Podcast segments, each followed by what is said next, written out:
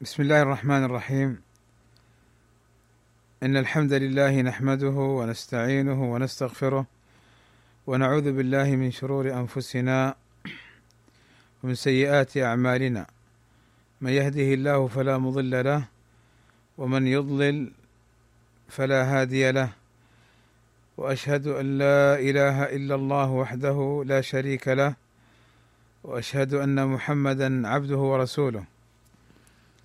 ألا وإن أصدق الكلام كلام الله وخير الهدى هدى محمد وشر الأمور محدثاتها وكل محدثة بدعة وكل بدعة ضلالة وكل ضلالة في النار. أما بعد فمرحبا بكم أيها الإخوة والأخوات في هذا اللقاء والذي أسأل الله عز وجل أن يكون لقاء مباركا نافعا حجة لنا لا حجة علينا. في مستهل هذا اللقاء أرحب بالطلاب والطالبات الجدد الذين تم انضمامهم ودخولهم للمعهد مؤخرا. فالإدارة قد فتحت الأبواب لقبول طلبات التسجيل بناء على كثرتها من الراغبين في الدراسة والتحصيل. وسيبقى باب التسجيل إن شاء الله تعالى مفتوحا لمن رغب بالدراسة. وذلك أن الطلبات كما هو ملاحظ تكثر على الإدارة في فتح باب التسجيل ولأن المعهد كما سيأتي إن شاء الله ليس المقصود منه الشهادات وليس المقصود منه الدنيا إنما المقصود به تعليم العلم وتحصيله. ورفع الجهل عن أنفسنا وعن إخواننا وأخواتنا. هذا هو المقصود. فالكثرة أو القلة ليست مقصودة من حيث هي ولكن إن حصلت فهذا نسأل الله عز وجل أن يبارك فيكم جميعا وأن يرزقنا الإخلاص في القول والعمل وأن يجعلنا ممن يستمعون القول فيتبعون أحسنه. فالمعهد بارك الله فيكم كما تعلمون لم يفتح لأغراض مادية أو لأغراض دنيوية أو لمقصد غير شرعي بل فتح وأنشئ ودخل فيه من دخل لمقصد شرعي وهو نشر السنة والعقيدة الصحيحة ومنهج السلف الصالح ونشر العلم ورفع الجهل ومحاربة البدع والشركيات والضلالات والانحرافات على منهج السلف الصالح مستنيرين بأقوال العلماء محتجين بالكتاب والسنة وما كان عليه الصحابة رضوان الله عليهم أجمعين. ولذلك أنا أؤكد على هذا الأمر دائما وابدا أن المسلم والمسلمة عليهما أن يستحضرا النية الصالحة الخالصة لله عز وجل في تعلم العلم. ولذلك من يطلب العلم لا يستفيد منه الاستفادة الصحيحة بإذن الله تعالى إلا إذا صلحت نيته وخلصت لله عز وجل. وخلصت لله عز وجل. متبعا في ذلك السنة وما كان عليه الصحابة رضوان الله عليهم أجمعين. وهؤلاء الإخوة والأخوات الذين انضموا للمعهد أقول لهم أيضا هناك دروس مضت وسجلت كانت فيها مدارسة لبعض كتب أهل العلم. فمن باب الفائدة التسجيلات والتفريغات لهذه الدروس موجودة يمكن تحصيلها والاستفادة منها بإذن الله تعالى. وبذلك يحصلون ما فاتهم ويستدركونه إن رغبوا في ذلك لكي ينضموا إلى الدورات العلمية والدروس المقامة في هذا المعهد الذي أسأل الله عز وجل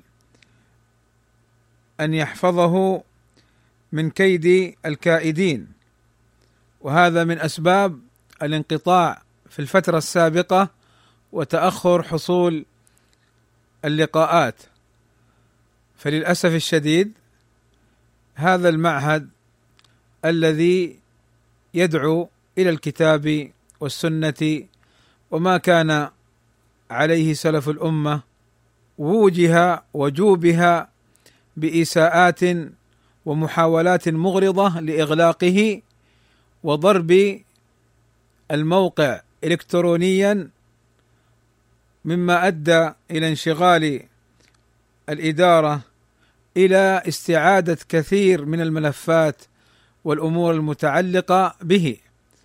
هذا الكترونيا وأما واقعيا من تشويه وطعن ومحاولة للصد عنه فهذا كما يقال للأسف الشديد حدث ولا حرج. تعجب والله تعجب والله من مسلم يزعم أنه سلفي وهو يحارب قال الله قال رسوله قال الصحابة رضوان الله عليهم هذا العلم الذي ينشر من خلال المعهد والذي يستفيد من المعهد بفضل الله عز وجل طلاب وطالبات كثر في المشرق أو في المغرب يستمعون للدروس ويتواصلون مع الإدارة لتحصيلها ومع ذلك نجد من نجد ممن يسعى لتخريب ولتشويه المعهد. ولكن سبحان الله كما قال الإمام مالك رحمه الله تعالى ما كان لله بقى فأسأل الله أن يرزقني وإياكم الإخلاص في القول والعمل. وأن يجعل هذا العمل حجة لنا لا حجة علينا. وإلا فالواحد منا ضعيف والواحد منا لولا فضل الله اولا واخرا لما استطاع أن يقدم ما قدم. فللأسف يعني أنا فقط أعرج سريعا ولا أريد أن أطيل في هذه القضية. هناك بفضل الله عز وجل من الأخبار السارة التي تردني من من الإدارة إدارة المعهد عن الطلاب المتواصلين والمستمعين.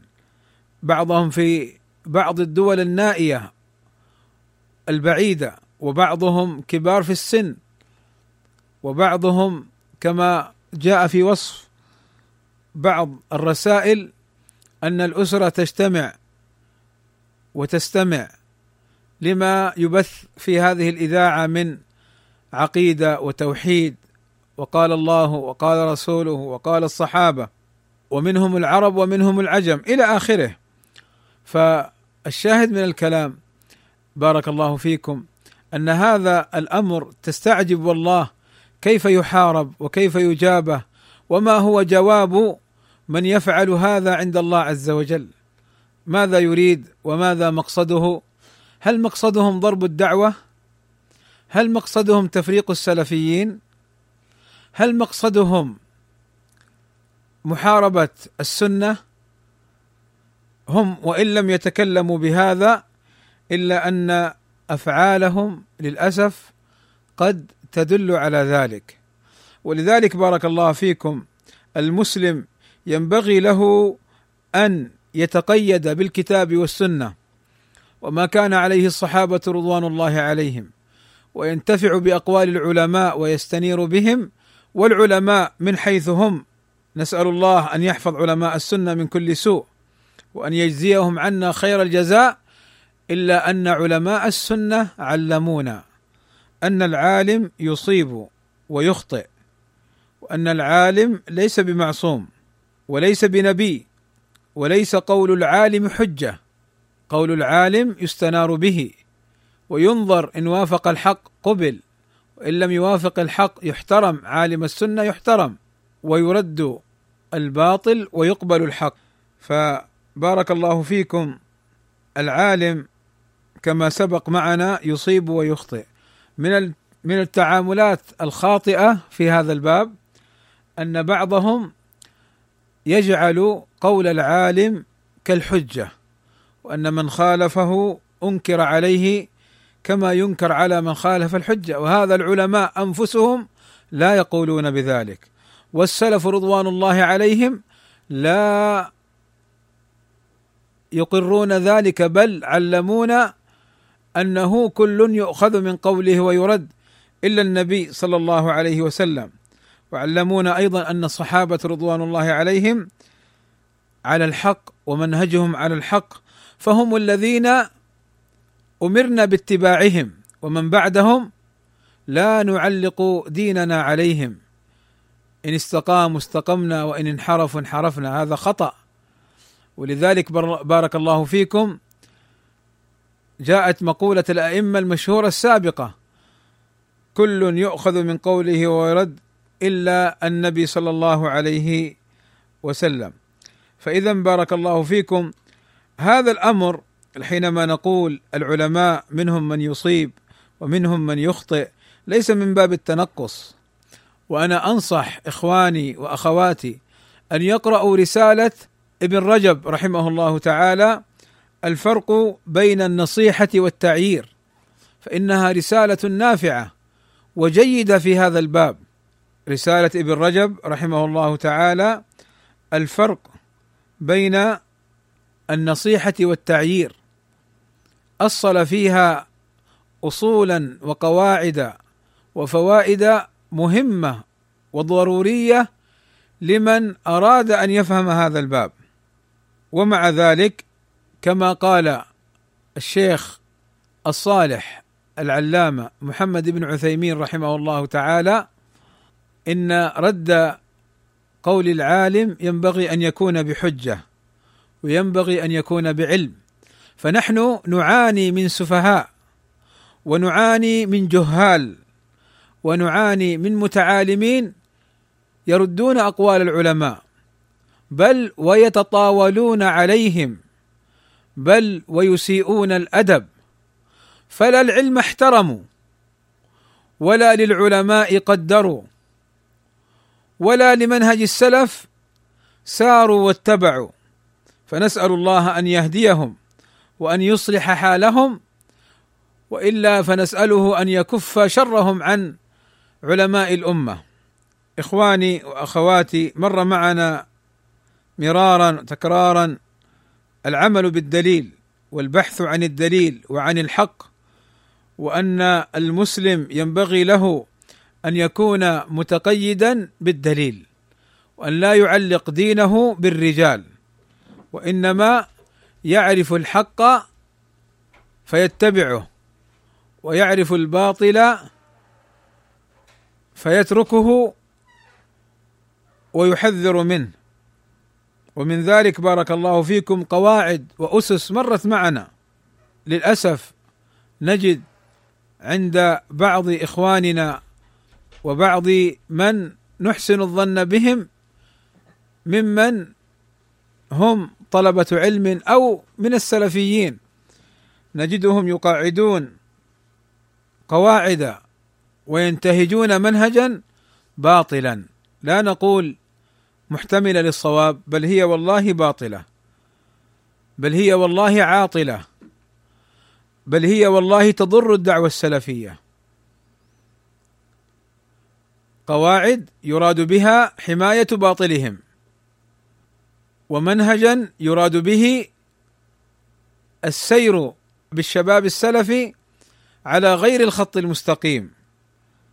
فيا حسرة على من انحرف معهم ويا ويل من وافقهم على باطلهم ويا ندامة على من ضل الطريق بعد أن اهتدى إليه. فكم والله ترك من خير.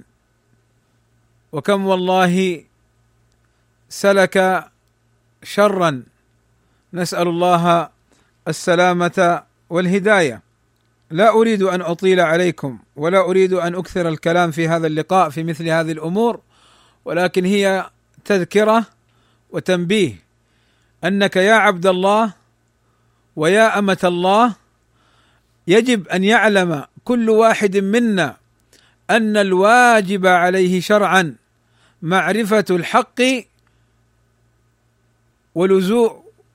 ولزومه والسير عليه وأنه من الخطأ الفادح أن تعلم أن هذا الحق فلا تسلكه وأن تعلم أن هذا باطلا فتسلكه طلبا لدنيا أو خوف أو خوفا من أناس لا قيمة لهم عند الله ولا قيمة لهم في العلم الشرعي فينبغي الانتباه لمثل هذه الأمور بارك الله فيكم. من الأمور التي أريد أن أذكرها في هذا اللقاء أن الشيخ الفاضل رزيق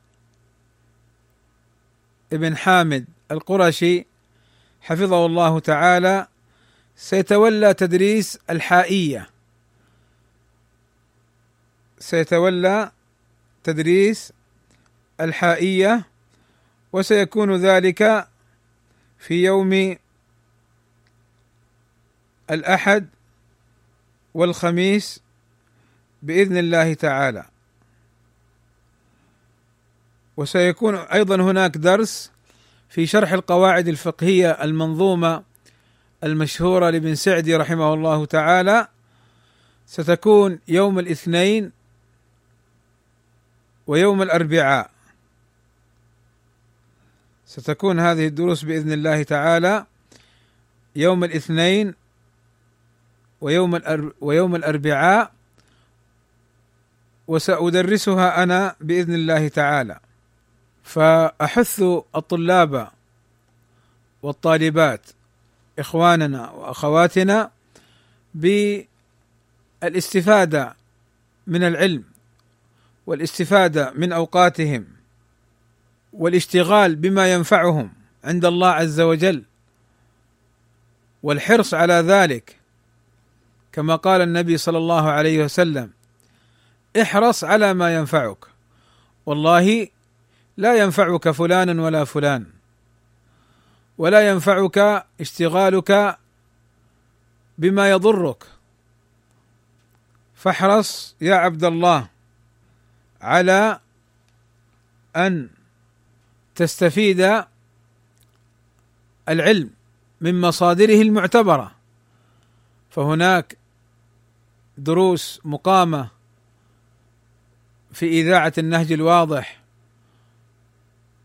مشايخ الكويت حفظهم الله تعالى.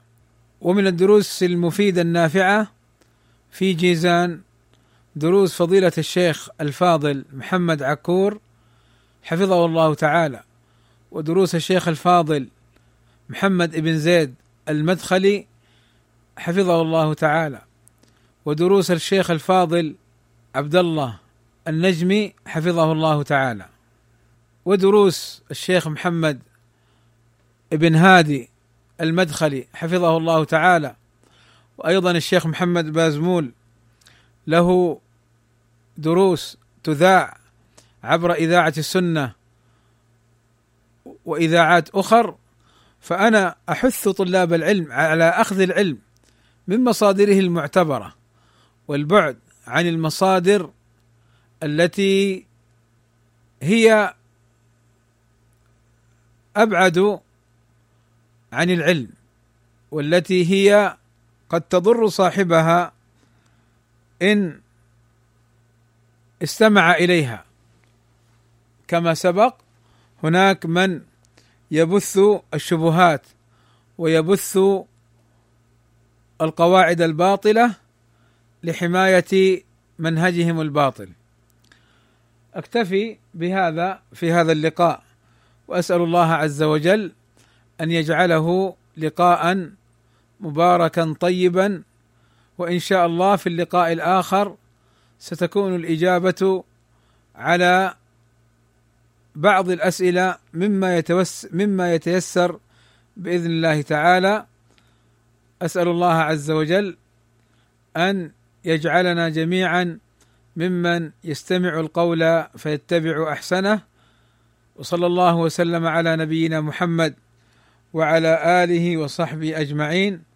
والحمد لله رب العالمين.